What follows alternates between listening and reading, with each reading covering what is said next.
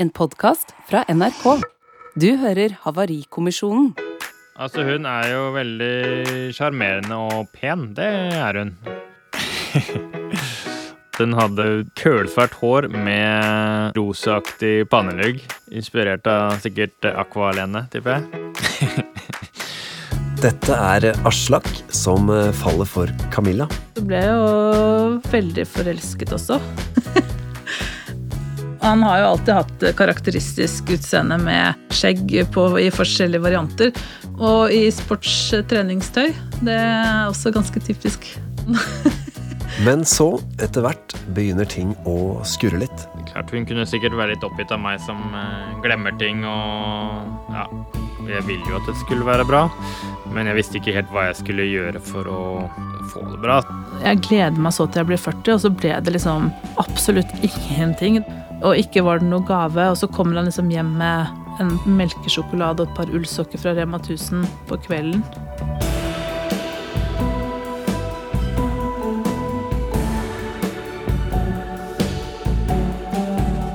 Dette er Havarikommisjonen. Jeg heter Eivind Sæther, og sammen med psykologene Sissel Gran og Dimitri Kielland Samoilov skal jeg dykke ned i det som en gang var en lykkelig kjærlighetshistorie, og prøve å finne ut hvorfor forholdet havarerte. Sissel, dette med gaver, det er ikke noe man skal spøke med. Nei, der kan du bomme så kraftig, altså. Og det vil jeg jo si at han gjør her. Ja, Men det er ikke så lett å vite heller. Eller burde alle bare vite det? Nei, det er, det er et eh, vanskelig tema. Ja. Ja. Men når det blir så usynkront, eller det blir så Hva skal vi si Den ene gir en kjempegave, og den andre en ullsokk. Da har vi et problem. ja. Dimitri, er du en eh, mann som er god på gaver? Jeg blir i hvert fall stresset over at jeg må ha noe som jeg syns er bra nok, da. Så jeg um, Ja, Når du gir, eller når du får? Når jeg gir Ja. så, så jeg har begynt å lage en sånn hemmelig liste. Så når kjæresten min sier noe som han kanskje, kanskje ønsker seg, så skriver jeg det ned. Oi, oi, oi. Så jeg har det til, eh, til dagen kommer. Bra, vi er i gang med gode råd allerede. Vi skal uh, følge paret vårt, vi. For deres eh, kjærlighetshistorie starter på romantisk vis på en ungdomsskolereunion. Der står eh, alenemoren Camilla i trappa utenfor festlokalet, og så får hun øye på sin gamle klassekamerat eh, Aslak. Og så ble vi stående og prate eh, på den reunionen ganske lenge. Um, og så skulle han reise til USA morgenen etter og være borte ganske lenge. Og så sa jeg vel et eller annet sånn Men eh, kom innom på middag da når du kommer tilbake. Det hadde vært hyggelig. Så dro jeg rett til USA en måneds tid for å sykle. Verdenscup, terrengsykling. Isles 26.9. Now it's Bruni 26.945 taking 200. Satsa alt jeg kunne på å bli proffsyklist. Og kom tilbake, og da møtte henne over denne middagen. Jeg tror jeg hadde lagd noe sånn uh, kylling tikka masala eller noe sånt. Satt vi der og prata og drakk. Jeg tror vi drakk vann. Eh, og prata, prata, prata. Og jeg tror jeg kanskje likte det aller mest, var at det var det å virkelig sitte og prate og gå i dybden på ting og tang, da. Jeg har vel aldri vært mest snakkesalig personen, men eh, hun fikk meg vel til å prate, da. Så det, det, var, eh, det var bra. Jeg tror bare liksom det gled over i fra et å være et hyggelig vennskap til å bli en forelskelse, da. Vi satt eh, en formiddag, så satt vi i sofaen og pratet, da hadde vi vært sammen i tre måneder. Og midt i løpet av den samtalen så fridde han. Nei, altså det frieriet mitt var kanskje ikke verdens mest romantiske, men eh, det livet føltes bare helt eh, magisk fantastisk ut. Så jeg tror nesten ikke jeg hadde tenkt på det engang, men det kom en sånn voldsomt innfall at det er jo bare det eneste riktige å gjøre. Jeg fridde til henne på morgenkvisten i sofaen. Og så sa jeg jo bare ja. og så løp han ut døra, for da skulle han på jobb. Dermed så var vi forlovet. Jeg er jo en veldig fysisk person. Ekstremt um, ekstremt behov da, for å være ute. Mens jeg kanskje syntes det var hyggelig å gå på restaurant innimellom, eller på kafé, eller eh, hadde lyst til å samle masse mennesker. Det var det jo aldri noe sånn særlig stor eh, interesse for. Nei, jeg ville ta med matpakke og kakao og gå på tur. Så der var vi jo veldig forskjellige. Husker vi dro og nattbadet flere ganger. Jeg hadde kveldsvakten eh, og var ferdig på jobb halv tolv, og så avtalte vi å møtes på, på en badestrand, og så nattbadet vi sammen, masse sånne morild. Ja, det var veldig hyggelig. veldig fint. Jeg satset jo for fullt for å bli profesjonell sykkelrytter. Det er jo bare din egen verden som betyr noe. Så Når man er idrettsutøver, så blir man jo veldig opphengt i seg selv og liksom hva neste treningsøkt er, og hvordan kroppen føles. Det var jo helt naturlig for meg at når vi ble sammen, så jeg måtte ut og trene seks timer, så gjorde jeg jo det. Det er litt sånn at um, vi andre ofte må tilpasse oss. Men det kunne f.eks. være at han hadde jobbet hele uken, og så måtte vi jo skjønne at han også trengte å, å sykle f.eks., eller dra ut og trene. Og at eh, han da måtte trene åtte timer den ene søndagen han hadde fri også. Altså Den følelsen av å på en måte at noe er skurra, den kom egentlig relativt tidlig i forholdet vårt. Eh, Og vi adresserte det, og så ble vi enige om at det var fordi at han hadde vært eh, toppidrettsutøver og var relativt eh, egoistisk. Eh, og det måtte han jo være for å nå de målene sine, så vi liksom vi bare plasserte det der, da. Aslak er jo idrettsutøver, men, men dette med å ha interesser som tar stor plass i forholdet, det er jo ikke uvanlig. Sissel, hvordan unngår man at den enes behov kommer foran den andres? Ja, det der Altså, det, det er jo et paradoks, ikke sant, fordi de treffes, det er fint, han bruker sånne utrolig fine ord, han, altså at livet føltes fantastisk Ja, magisk. magisk fantastisk. Magisk, ikke sant? Og, det, og at de kunne snakke sammen lenge, og han syntes det var fantastisk å sitte og prate med henne lenge. Noe som han ikke hadde gjort så mye før, kanskje. Altså, han kunne liksom, at han nok i den situasjonen følte seg litt ny og litt annerledes. Og, men han gjør det jo klart på et eller annet tidspunkt at han er toppidrettsutøver, og at han må trene mye.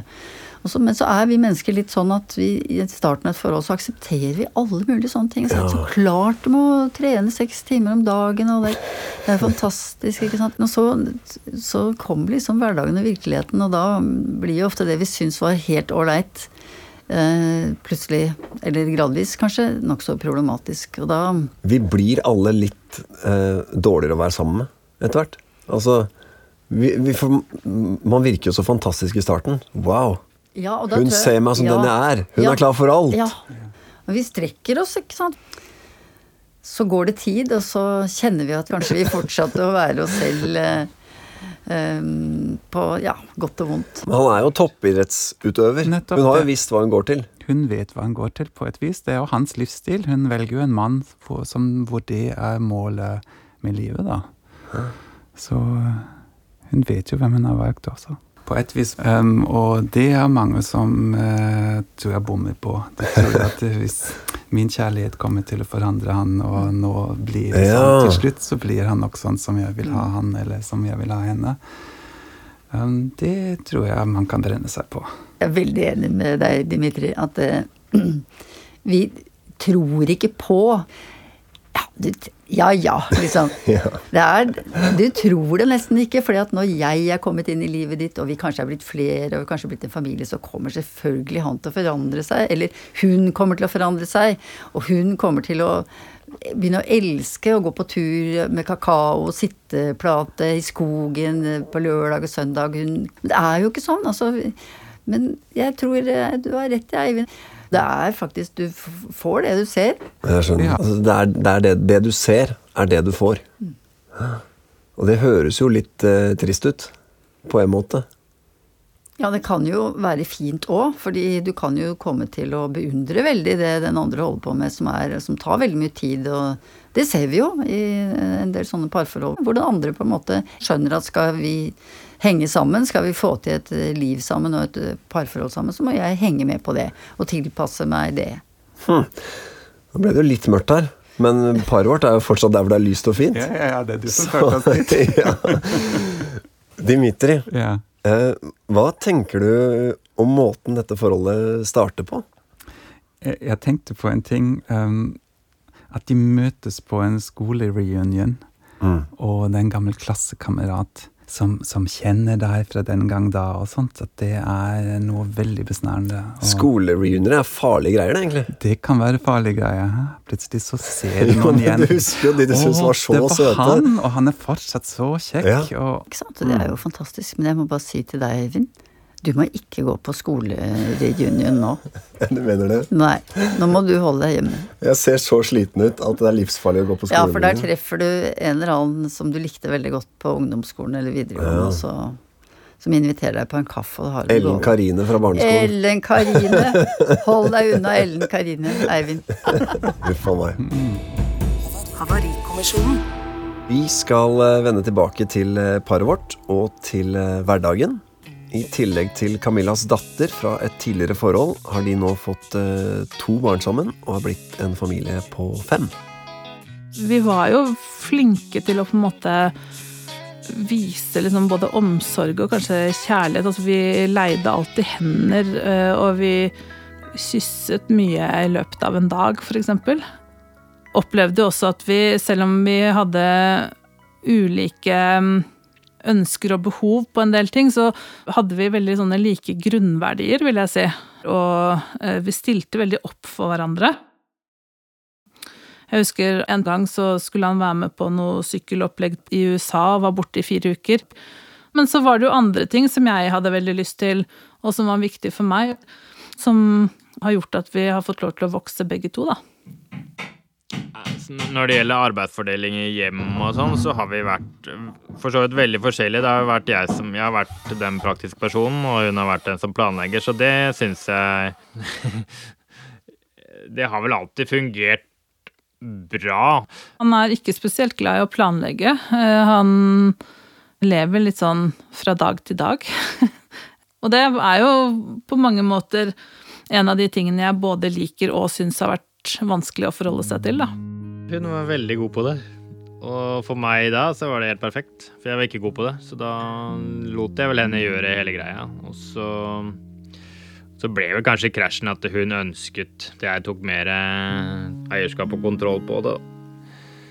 Så jeg er nok litt, ja, mer impulsiv og går etter det som eh, Magefølelsen, rett og slett. Det gjorde jo også at jeg aldri helt kunne stole på at ting vi hadde avtalt, ble gjennomført, da. Jeg planla nok helt sikkert, eh, men jeg delte ikke planen min med Camilla. Jeg vet ikke om man bare er redd for å få et nei, da. At liksom stemninga skal bli dårlig, da. Eh, Istedenfor å bare si at jeg ønsker å komme meg ut på en sykkeltur søndag formiddag, liksom. Og så ligger man bare og kvier seg og venter litt og skjønner at det er for seint. Altså, hun ville jo mase litt og få fram liksom, hva er planen din, liksom.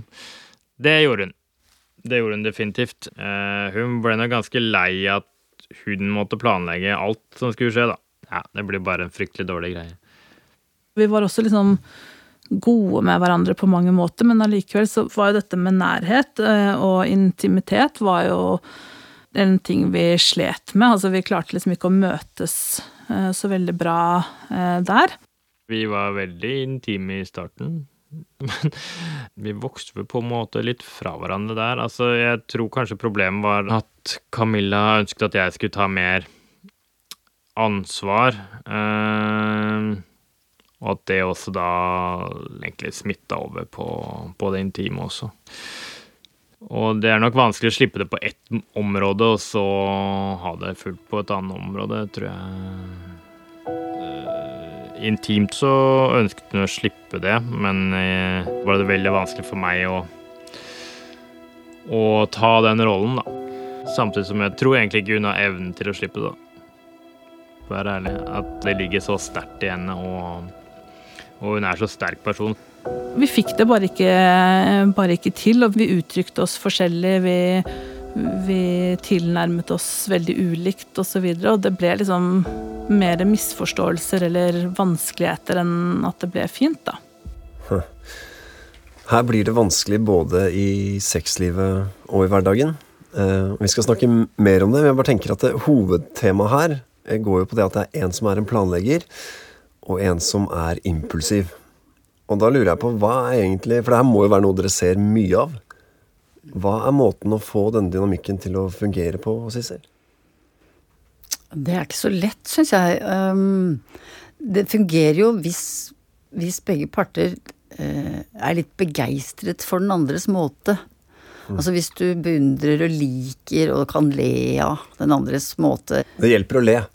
Ja, det hjelper veldig å le og, så, og, og tenke at Eller det hjelper å ikke begynne å tenke eller føle at dette er et angrep på meg.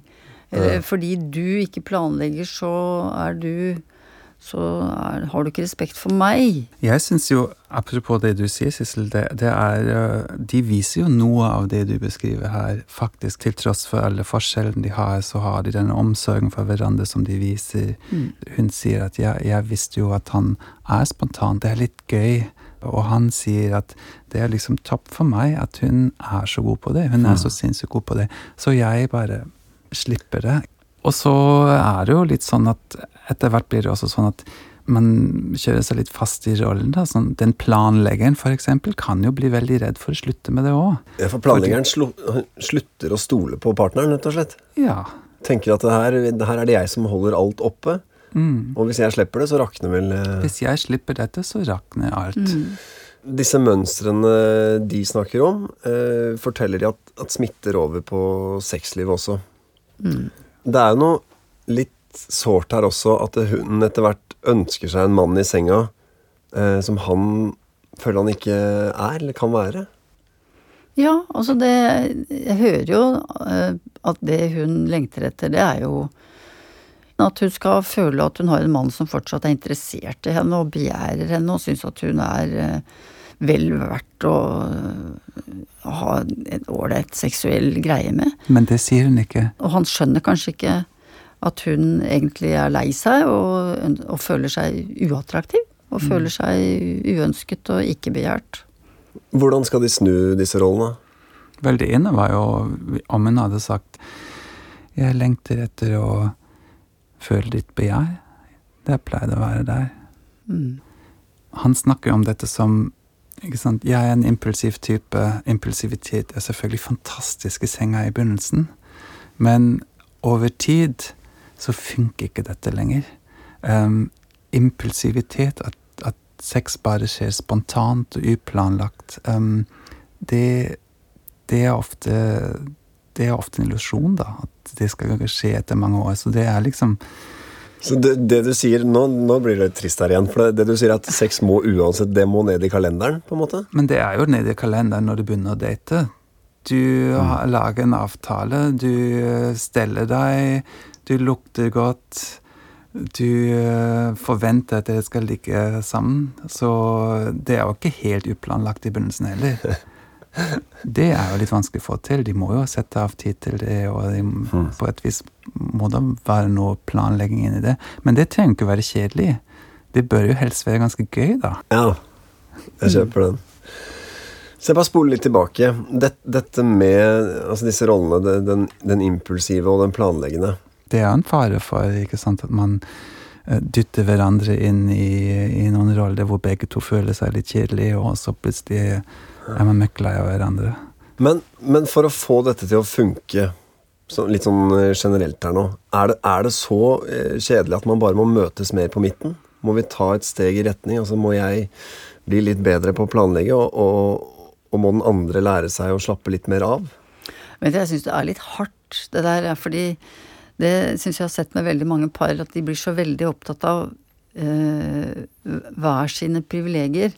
Altså at, eh, og at det skal bli litt sånn rettferdighet i det. At ja, ja, når du skal trene tre ganger i uka på Sats, da skal jeg ta den turen til London i september med venninnene. Eller når du skal gå på ski hver eneste søndag, da skal jeg eh, Altså dette skal oppveies og kompenseres, og det um, Jeg tror veldig mange par ender opp med å leve hver sine litt ulike liv. Jeg syns at de skulle planlegge ganske mye mer Hva skal vi gjøre i kor? Hva skal vi gjøre sammen? det, det er ikke sånne teamjobber, egentlig. Det er jo ikke At man det. sier hvis du får det, så får jeg det, så får får jeg det. Men team jobber er sånn at Så hva er prosjektet vårt? Hvordan, hvordan skal vi få til dette? Ja, for hva skal man da med en familie, da? Hvis man hele tiden skal liksom Det eneste man ønsker seg, er å liksom komme seg vekk fra det. Jeg skjønner jo veldig godt folks behov for å ha sånn alenetid, men hvis mye av livet sammen som par og familie skal handle om å, å flykte fra det så ofte man kan, på annenhver gang, så blir det lite igjen til eh, det kjærlige parforholdet, tror jeg. Så gå hverandre heller i møte. Jeg syns det. Hvis vi nå snakker om eh, paret vårt, Camilla og Aslak, der de er akkurat nå, hva er det de burde gjøre? Det første er jo å, å anerkjenne at oi, nå er vi inne i noe her som ikke føles så greit. Og skal vi sette oss ned og snakke litt om hvordan vi egentlig har lyst til å ha det? Uff, det er psykologrådet over alle psykologråd. Jeg vet, vi, vi, er, Nå vi, er, snakker vi om det. vi begynner å bli hatet for det. Ja, vi blir hatet for det, åpenhetspredikantene. Ja, ja. og- Men det er noe med å rulle filmen litt tilbake, for de, de sier jo i starten av forholdet så, i starten av forholdet så snakket de masse sammen. Så de kan Så de, det egentlig. De kan det egentlig. Det handler kanskje ikke om at de må snakke sammen hele tida, men, men de må i hvert fall stikke fingeren i jorda begge to. Hva skjer med oss nå? Så vet du ofte hva som vil føles godt for partneren din. Og hva, hva vårt familieliv trenger, og hva kan jeg gi av dette, og Gjør den andre godt. ja. Så hvis vi ikke skal prate sammen, så må det være på den måten, da. Fint. Vi skal eh, tilbake til Camilla og Aslak, der eh, livets store temaer får innvirkning på forholdet. Så fikk vi jo hverdagene til å gå, da. Vi hadde det jo bra, det var lite krangler. Og det var jo mye hyggelig. Altså Ja, jeg syns jo vi jobbet liksom med forholdet vårt hele tiden, og jeg skjerpet kommunikasjonen og ble enda tydeligere. Eh, og så opplevde jeg vel litt sånn at han ikke helt visste hva han skulle gjøre hvis jeg var lei meg, eller hvis det skjedde tragiske ting, sånn som når faren min døde, så så følte jeg at jeg sto liksom helt alene i situasjonen. Altså, når faren hennes døde, så vet jeg at eh, det skjedde noe greier. Men eh, jeg har egentlig ikke helt helt eh, skjønt det. Jeg tror ikke jeg tok eh, Jeg vet ikke. Jeg tok det ansvaret og var helt der, eh, som hun trengte, da. Og så husker jeg på, på lørdag så eh, skjønte vi at pappa kom til å dø, og at det kanskje bare var liksom snakk om veldig, veldig kort tid. Og da ringte jeg hjem og forklarte eh, det, og selv om jeg kanskje liksom aldri sa det sånn rett ut at jeg vil at du skal komme, så lå det jo veldig mellom linjene. eh, At det var det jeg ønsket og, og trengte. Og så var han liksom bare helt fraværende og eh, ja, veldig lite liksom Lite trøstende. Jeg husker også at vi hadde en ganske sånn opprivende krangel den natten fordi jeg følte meg så lite sett og forstått og ivaretatt, og han svarte liksom ja, men du sa jeg skulle ta vare på eller være med barna, det har jeg jo vært. Jeg er jo et følelsesmenneske de luxe. Um, jeg tipper også at i mange situasjoner så har han opplevd meg som sur, når jeg egentlig har kanskje vært lei meg eller såra eller fortvila eller frustrert eller altså alle, alt annet enn sur, da. Eller ensom, til og med. Vi prata oss igjennom absolutt alt. Om vi så ble sittende til sola sto opp igjen, så, så kom vi alltid gjennom det. Og prøvde å lære noe av det. Eh, problemet kanskje litt ved at jeg gjorde disse samme tingene om og om, om igjen, da. Og da tenkte jeg hele tiden at kanskje jeg har ikke hadde uttrykt meg godt nok eller eh, tydelig nok eller eh, presist nok, sånn at jeg begynte liksom å bli mer og mer konkret på ting. Og da opplevde jeg at det funka bra. Og det, altså, det var veldig fint å ha disse samtalene, men det kunne være ganske heavy. Og jeg ville jo at det skulle være bra, men jeg visste ikke helt hva jeg skulle gjøre for å få det bra. Gjennom de samtalene så fikk jeg på en måte bare en sånn enda større fornemmelse av at det var en del ting han ikke fanget opp, da. Det kunne være småting. Hvis jeg sa det hadde vært fint om du satte på oppvaskmaskinen, så måtte jeg liksom være veldig tydelig på at da setter du på oppvaskmaskinen. Eller du må sette på oppvaskmaskinen. Jeg vet ikke helt hvorfor, men av en eller annen grunn så begynte jeg liksom tenke at han kanskje hadde noen utfordringer med å forstå andres emosjoner. Og så satt jeg vel oppe en natt og liksom hadde tenkt mye på dette, og så tok jeg en test eh, på meg selv i forhold til asperger, og den slo ikke ut i det hele tatt. Og så tok jeg en test sånn som jeg opplevde han, og så slo den liksom kjempehøy score. Og så jeg sånn, begynte jeg å lese mer om om dette med asperger, og, og så syns jeg på en måte at jeg liksom Det gikk opp så utrolig mange sånne lys. Eh, jeg bare tenkte liksom Men herregud, er det dette vi har slitt med, liksom? Og så husker jeg at jeg satte meg ned en kveld, og så sa jeg det til han at Aslak, jeg eh, lurer på om det kan være noe av dette som gjør at en del ting er vanskelig for deg. Eh, har du lyst til å, å, se noe mer på det? Så var det vel en sånn Sikkert en test på nett. Det er vel en personlighetstest, da. Uh, som det sikkert finnes masse av. Og jeg syntes jo ikke det var teit i det hele tatt. Jeg bare ja, ok, selvfølgelig, det kan vi gjøre. Men jeg hadde ikke noe mot det, i hvert fall. Så vi tok jo denne testen, da. Så jeg husker at jeg gikk opp på badet og vaska noen klær eller noe sånt, og så Og så Og så kom det vel fram der at uh, det var noen greier, kanskje. Uh, ropte han på meg, og så når jeg kom ned, så sa han bare sånn Men herregud, dette her er jo meg.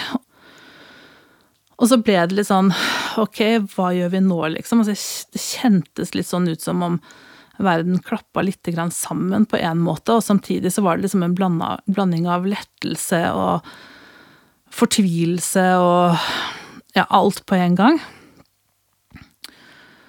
Jeg ble på en måte litt sånn lettet over at vi kanskje hadde kjempet mot noe som ikke var noen noen av oss kunne noe for. Dette med asperger. Og da tenkte jeg at ja, men dette kan, bør kanskje undersøkes litt mer. Så jeg var på noen diverse tester rundt omkring. Eh, og da fikk jeg jo litt svar på hvorfor jeg kanskje er sånn og tenker sånn og gjør sånn som jeg gjør, da. Jeg lurte også da på om dette var noe som vi kunne håndtere, altså få til å fungere, da. Um, så blir man litt sånn redd også, ikke sant, fordi hva betyr dette her? Hm. Ja, hva, hva, betyr det for parforholdet når de finner ut at uh, Aslak har uh, asperger? Her er det jo uh, Betyr det jo ganske mye for dem, i hvert fall til hvordan de forstår um, hva de har stått i. Jeg bare satt og tenkte mens jeg hørte på dem, eller kjente også en sånn beundring for dette paret, egentlig. Mm. For de gir seg ikke for harde møkka. ikke sant? Hun har en vennlig tolkning av han, og han har en vennlig tolkning av henne. Mm. sett av hverandre, og kan tenke at her er det, er det en ytre fiende som, um, som vi står imot, da. Hva er asperger? Asperger er um, en diagnose som er um, Man kaller det for høytfungerende autisme også. Det som blir ofte veldig problematisk, er å forstå egne og andres følelser. Å forstå sosiale koder.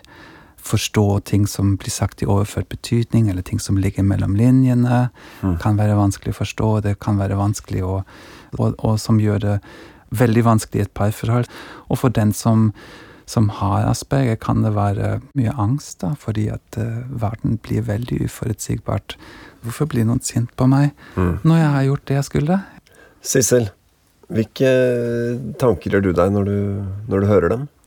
Um, jeg tenker på den episoden, eller den som jo er veldig dramatisk, hvor uh, faren uh, til Camilla dør. Og hun ringer, altså han ligger for døden, og hun ringer Aslak og vil egentlig at han skal komme. Uh, men han skjønner ikke det, altså, og han sier da faren hennes døde, så vet jeg at det skjedde noe greier. Ikke sant? Og det um, uten at han hadde fått denne diagnosen, så tenker jeg at det der ville vært enda verre. Fordi han svikter i nødens stund. For det er det han gjør når han ikke tar seg av henne når faren hennes dør.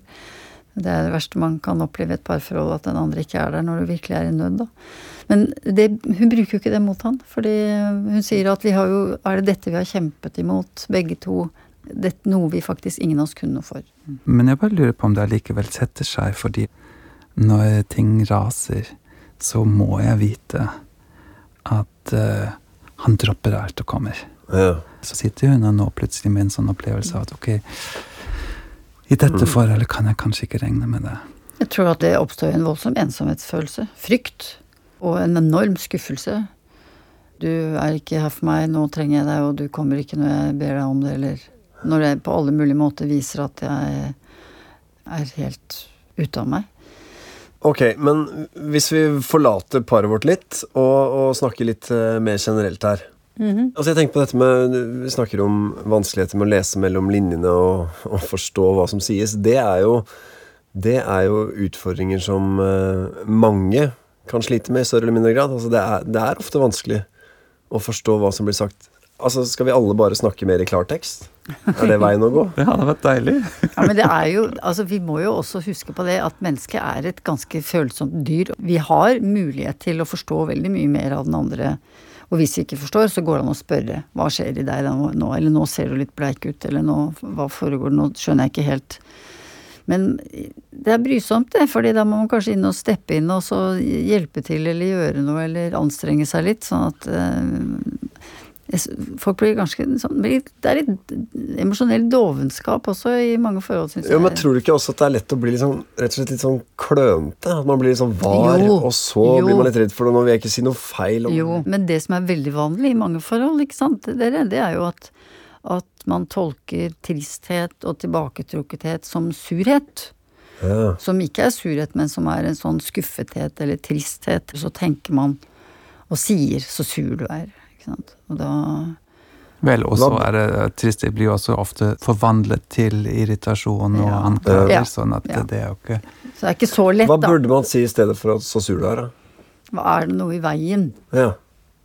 Hva, du ser lei deg ut, eller det ser ut som er, Hva er det nå? Kan du si litt? Og hvis den andre da sier nei, alt er greit, så er det Og du sier ok, så er det feil svar. Du må gå litt mer på. Fordi da har den andre lukket seg litt. ja, det er irriterende. Ja, Alt da- er ikke greit. Nei, da må du si ja, men jeg ser at det ikke er greit. Jeg skjønner jo at eh, noe er gærent. Og hvis den andre da sier enda en gang nei, alt er, alt er bra. Nei, det er ikke det. Jeg ser det. At det er ikke det. Kom igjen, da. Liksom. Altså, Gjør ordentlig. Ja, gjør ordentlig, da. Ja, gjøre ordentlig. Du kan forebygge mye på den måten. Men det- hva, sett at man har en kjæreste da som sier 'nei, alt er greit, ikke tenk på det'. Eh, hvordan i all verden kommer jeg meg videre inn da? Nei, da må du jo prøve så Du du kjenner jo det mennesket, egentlig. Du gjør jo det. Og vet at det er vanlig Jeg har en mann som sier det. Hvis jeg spør var det noe i veien Nei da, alt er greit. Ser, du, altså, ser du på nesa di, alt er ikke greit. Selv på nesa? Kom igjen her, da. Hvordan Men, ser men, nesa hans ut vet, du- har du noen idé om hva som ikke er greit, da? Ja, Du vet hva du har gjort? Absolutt. Eller hva Da, da har han følt seg misforstått eller kritisert eller um, For det er en fin ting å starte med, ja, Mm. å si du nå Du skjønner at jeg tenkte, for jeg var litt sånn krass i stad, så jeg lurer på om uh, du følte deg litt misforstått av meg. mm. Det er en fin invitasjon. Ja da, men vi har jo et sånn vi har, Fordi vi er så gamle, så har vi en sånn Vi har et triks. Sånn er Nei, fordi at det der eh, kaller vi Birger i røysa. Når han er sånn og ikke sier 'nei, alt er greit', eller, han bare snur seg på hælen, og så Da er det Birger i Røysa som um, ikke kan si hva han føler. Så Og- da kan det hende at jeg sier noen ganger Birger. Altså. Og da blir du nødt til å snakke om det på ordentlig, eller hva skjer da? Ja, fordi at da jeg de, Det første gang det der skjedde, så, så sa ropte jeg sitt- veldig rasende til han. Jeg hadde flytta fra Adamstua til Ja. Høybråten. Ja, jeg flytta ikke opp på Høybråten her for å bo her sammen med en taus gubbe! Og hvis du ikke sier noe snart, så skiller jeg meg, og Men hva mente du med det? Hun mente 'se meg'! Ja. Jeg, men, men Og da sto han på gulvet og ropte med helt hvitt hår rett til værs, ikke sant. Jeg er jo bare Birger i Røysa!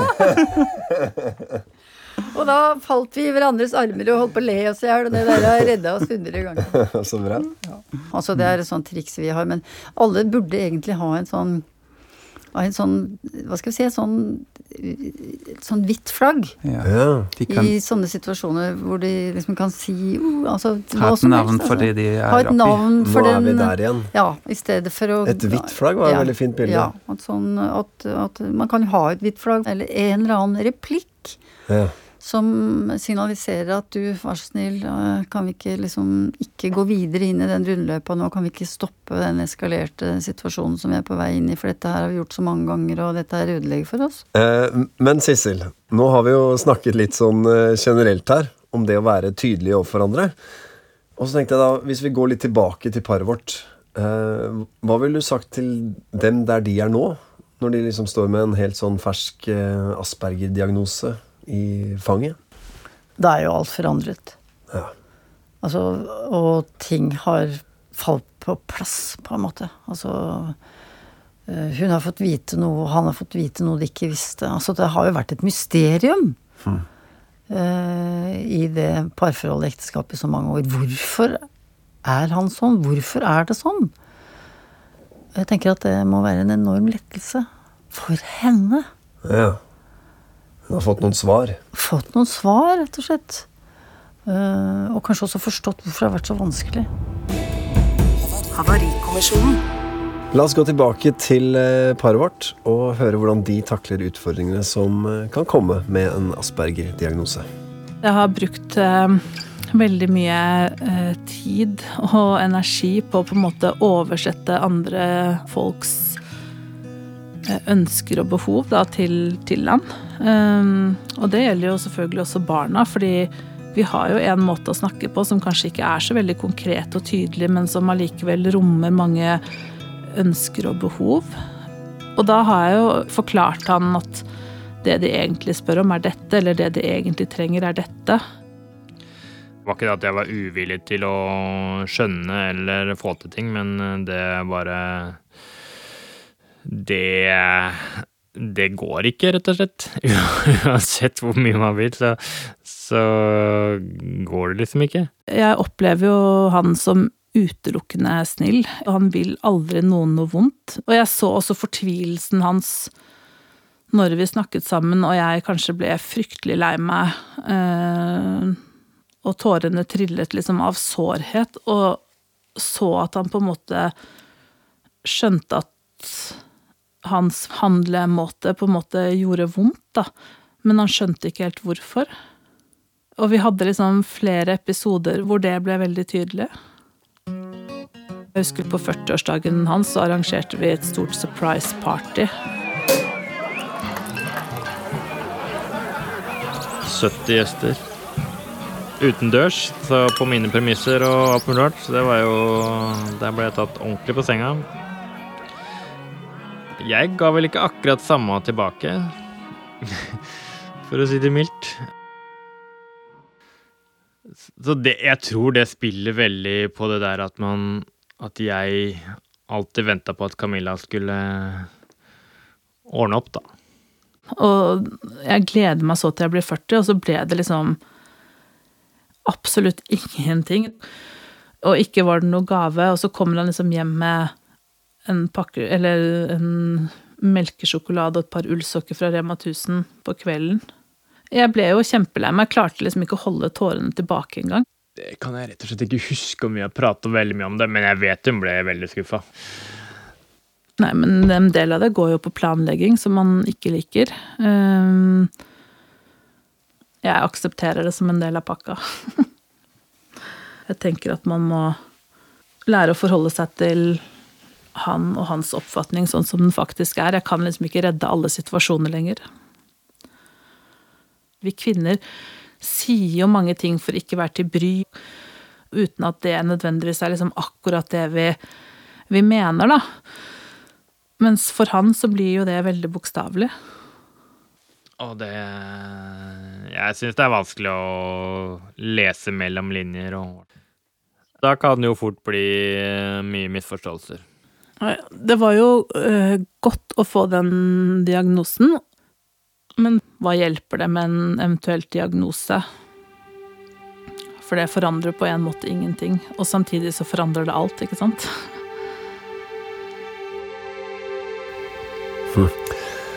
Men hvis disse to skal få et godt samliv framover, hva, hva, hva, hva må de være bevisste på? Jeg syns ikke det er så lett å svare på det. For det øh, Altså, det som er fint, da, som hun sier veldig nydelig Hun, hun sier om Aslak, han sier han er jo utelukkende snill. Hvordan skal man få til en sånn øh, Det er jo veldig vanskelig å havne i situasjoner hvor du hele tiden må instruere partneren din. Aldri kunne regne med at han kan liksom finne på noe av seg selv. Hm. Det det er jo et eksempel med den bursdagen, da. Ja, Som, et ganske tydelig eksempel. ja, hvor det er så Hvor hun lager en svær bursdag fra han Og så gjør han, og så gjør han ingenting tilbake. Altså Det er jo en mellomting mellom en kjempesvær og veldig velplanlagt og gjennomført fest og ingenting. Men det er ikke så lett ikke sant, når det gjelder en som din likeverdige er partner. Nei, altså et, et voksent menneske, ikke sant, som og som skjønner så lite av deg at du kommer hjem fra Rema 1000 på kvelden med en melkesjokolade og et par ullsokker som 40-årspresang. Det Ja. er, vi syns jo Det er jo Vi skjønner jo hennes store skuffelse. Absolutt. Men eh, hva blir liksom nøkkelen for dem, da? Hvordan skal disse to leve sammen på best mulig måte? Så, én en ting er jo den tydeligheten som, som Camilla har begynt å utvikle, og det gjelder jo til og med ting hvor man ikke ville tenkt at det trengs. Altså sånn som alle disse opplevelsene av når hun er lei seg, kan du gjøre det, kan du gjøre disse tingene? Altså når du ser at jeg gråter, kan du komme uh, og, og spørre hva er det for noe, stryke meg litt på ryggen. Det vil hjelpe meg. Han vil så gjerne være god for henne, men han vet ikke hvordan han skal gjøre det. Så det er fint å ha en oppskrift, da. Jeg skjønner. Sissel, hva tenker du? Mm, jo, jeg tror det er veldig sant. Um, det, men det er krevende, altså, å, å måtte be om noe som du tenker at dette burde den andre se eller forstå av seg selv. Dette har jeg med egen erfaring med, altså ja, fra Ja. eget liv og min egen mann, altså som Jeg har jo en doktormann, og det, de gangene jeg har vært dårlig og ligget rett ut, da er det jo Da står han langt unna. Er det sant? Og liksom spør eh, trenger du en Paracet eller og, og sier og, ja, Fordi at lege liker ikke at familiemedlemmer er syke. Er det sant? Ja. Og jeg sier at kan du sette deg ned på sengekanten, og kan du gjenta etter meg nå følgende, Ola. Si stakkars, stakkars deg. Det er da som bare pokker at du skulle få dette her. Så sier han skal jeg si det? Ja, så jeg si det nå da. Ja, ok, stakkars, stakkars deg. Det var synd at du skulle få dette. Nei, sier jeg med innlevelse. Stakkars, stakkars. Sånn. Um, for det, uh, det er ikke ond vilje. Altså, her, er noe, her er det noe ubehag involvert. Så um, jeg er ganske god på å instruere på en hyggelig måte hva jeg trenger, og si hva jeg trenger. Ja, hadde jeg ikke det, hadde jeg ikke gjort det, så hadde det gått skeis. Ja, men mannen min, han er jo Han har jo ikke en diagnose. Nei. Eh, Men eh, det er selvfølgelig tyngre når du har en partner med en Asperger-diagnose eller en annen diagnose som gjør at um, det er veldig vanskelig for vedkommende å ta inn et sånt budskap og huske det. Og at hun da har måttet si ting gang på gang. Skjønner. Ok. Eh, Aslak og Camilla strever med å forholde seg til denne litt nye situasjonen de har havnet i. Men så skjer det noe i møte med legen til Aslak. Vi hadde egentlig bare en veldig god samtale med legen som gjorde at både meg og Camilla liksom falt litt mer til ro, da. Jeg husker den dagen så utrolig godt, fordi det ble på en måte slutten på det vi kjente, og starten på noe nytt. Og det falt jo veldig på plass når han legen snakket om dette her med at når man er i et sånt omsorgsforhold, så er det vanskelig å på en måte også ha seksuelle følelser, fordi man har på en måte en helt annen rolle, og, det tenker jeg også kanskje var litt sånn, i hvert fall forklaringen fra min side, da. Det at det var så stort fravær av eh, intimitet, på en måte. Så bestemte vi oss for å kjøre en tur og bare få prata litt, og jeg husker liksom samtalen var så utrolig sånn Og veldig ærlig, sånn som det alltid har vært. Så husker jeg at jeg sa til han Åh, hva syns du om på en måte det han sa om liksom den intime biten vår? Hva tenker du om det? Det som overrasket meg veldig, var at jeg var så sykt letta. Ok, kanskje vi ikke skal fighte så hardt. eh, la det ligge litt, liksom. Og så ser vi heller framover hvordan vi skal gjøre det. Skal vi roe det ned litt, da? Ikke famle så fælt etter å få dette til å bli kjempebra. Og så husker jeg at jeg stilte han spørsmålet Hva gjør vi videre? Skal vi på en måte gi slipp på ekteskapet? Og så sa han bare ja. Som en sånn Og så stemmen hans var liksom sånn Den var så bestemt, og den var så lettet, og det var så kraft i det svaret hans, uten at det Og det var liksom bare sånn klart og tydelig. Og så kjente jeg at det var liksom det riktige for meg også. Og så gikk det liksom over til både latter og gråt for begge. Men da var liksom 17 års ekteskap over. Det er noe fint her også. Å kunne gå fra hverandre med både gråt og latter. Og ro. Sissel, hva hører du? Jeg syns det er veldig rørende, rett og slett. Um, jeg tenker at det, det, er- ja, det er to utrolig Det er to godartede mennesker, altså. Hvor jeg, jeg har hørt lite om eh, sånn hakking og mm. slemhet. Det har ikke vært sånn. Og så er de letta, Mm. begge to. Han sier det, jeg var, jeg var sykt letta. Hva forteller det? Han var helt utslitt, han. Men Camilla må jo også ha vært helt utslitt Ja. uh, av, av situasjonen. Uh, for vi snakker om veldig mange år. Vi snakker om et langt eh, tidsperspektiv. Og hvor det har vært veldig vanskelig å skjønne hvorfor er det sånn, hvorfor er han sånn. Så for henne må det jo også være en enorm lettelse. Det er en forferdelig følelse når du er glad i noen, og så merker jeg at på et vis så klarer jeg ikke å være den partneren trenger. Det er så smertefullt, Ja. men de må bare si at ok, vi er fortsatt glad i hverandre, vi har fortsatt setter fortsatt pris på alle de tingene vi har. Men uh, det går ikke. Vi kan ikke. Hun snakker også om dette å få, få den beskjeden hos legen at hun har vært i en slags eh, eh, omsorgsrolle overfor han. Uh, er, er det vanlig det at det, det krasjer, dette med omsorg og begjær? Det er jo også litt sånn her, kanskje, som som ikke er så helt uvanlig, hvor du får Altså hvor kvinnen liksom får sånn morsrolle. Og så blir mannen liksom en sånn umulig tenåringssønn, liksom som eh, Og da Det er klart at da Ser han nesten ikke som voksen lenger, liksom. Nei, ikke sant. Det kanskje, fordi det har vel kanskje vært litt gjennomgangsmelodien her. At hun har fått, at Camilla har fått den voksenrollen, da. Og, um, voksne omsorgsrollen. Hvorfor, eh, hvorfor havarerer dette forholdet? Um, jeg tror det har vært For først så har jeg jo lyst til å si at det har jo på mange vis vært et veldig godt forhold når jeg hører på disse to. De har gjort så utrolig mye riktig. Jeg tror de blir bare for sliten. Um, det er uh, Det blir over tid for emosjonelt utmattende for de begge to. Tenk på alle de årene, da. Å være sammen med en partner som på en måte er et slags mysterium, da.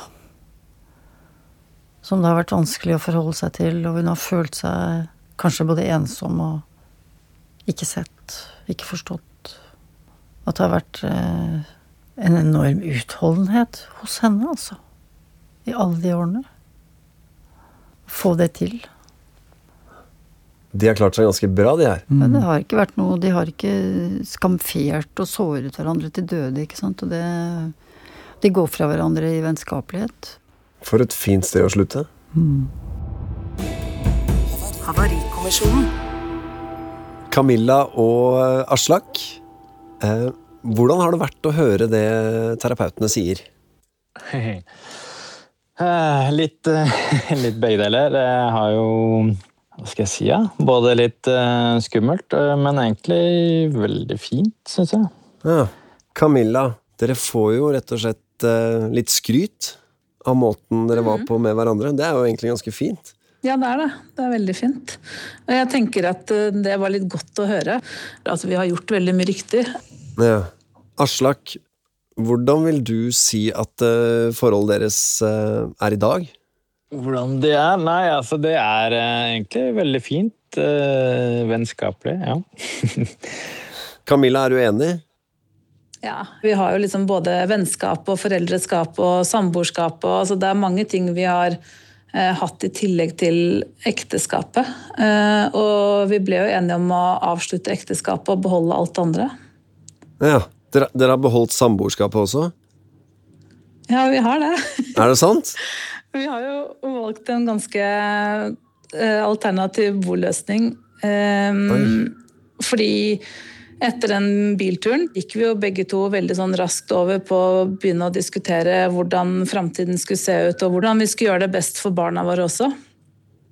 Og da startet en prosess med mange ulike alternativer, men et av de var å fortsette å bo sammen, men ha nok plass til at eventuelt eh, nye partnere også kunne bo der. Wow. Og den løsningen gikk vi for. Dere, altså for en moderne gjeng. Hva, hva er det som gjør at det funker, da? Jeg tror det er en stor dose raushet. Altså, vi har jo fortsatt en del av de samme utfordringene, men for min del så er det jo ikke like følelsesmessig vanskelig å stå i lenger. Aslak, dette med å bo sammen med eksen, hvordan, hvordan fungerer det rent praktisk?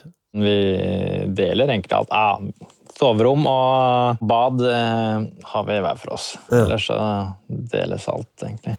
Men jeg vet at eh, min nye partner og Aslak hadde noen samtaler om dette her med, med fars eh, eller omsorgsrollen, og hvordan det skulle se ut. Sånn at det aldri har vært truende på noen måte, men at det heller har vært veldig Altså at man har vært flere om oppgaven istedenfor. Altså, dette er det mest voksne bokollektivet jeg har hørt om i hele mitt liv. Det er selvfølgelig ikke helt eh, dans på roser hele tiden, det er det ikke. Men, men det, er, det er liksom bare ting vi prater om, og så løser vi det. Det med ungene gjør jo at dette er um, ekstra bra, da. Jeg tenker på dette med å, å fortelle uh, denne historien deres, som på en måte også er så uh, preget av den Asperger-diagnosen du får, Aslak. Hvorfor er dette noe dere ville fortelle om? Eh, ja, si det. Vanskelig spørsmål. Jeg ser liksom ikke noen grunn til å ikke Det er liksom en, en del av meg, da. Egentlig en del av oss også. Så, så den hører med der, selvfølgelig. Og jeg tenker også at uh, måten vi har jobbet gjennom både forholdet og bruddet og tiden etterpå, kanskje kan gi litt håp og altså at folk ser etter egne løsninger som passer bra for dem. Det er jo egentlig et eh, perfekt sted for meg å, å avslutte. At alle er fornøyde under samme tak. Tusen takk til Aslak og Camilla for at de delte sin historie.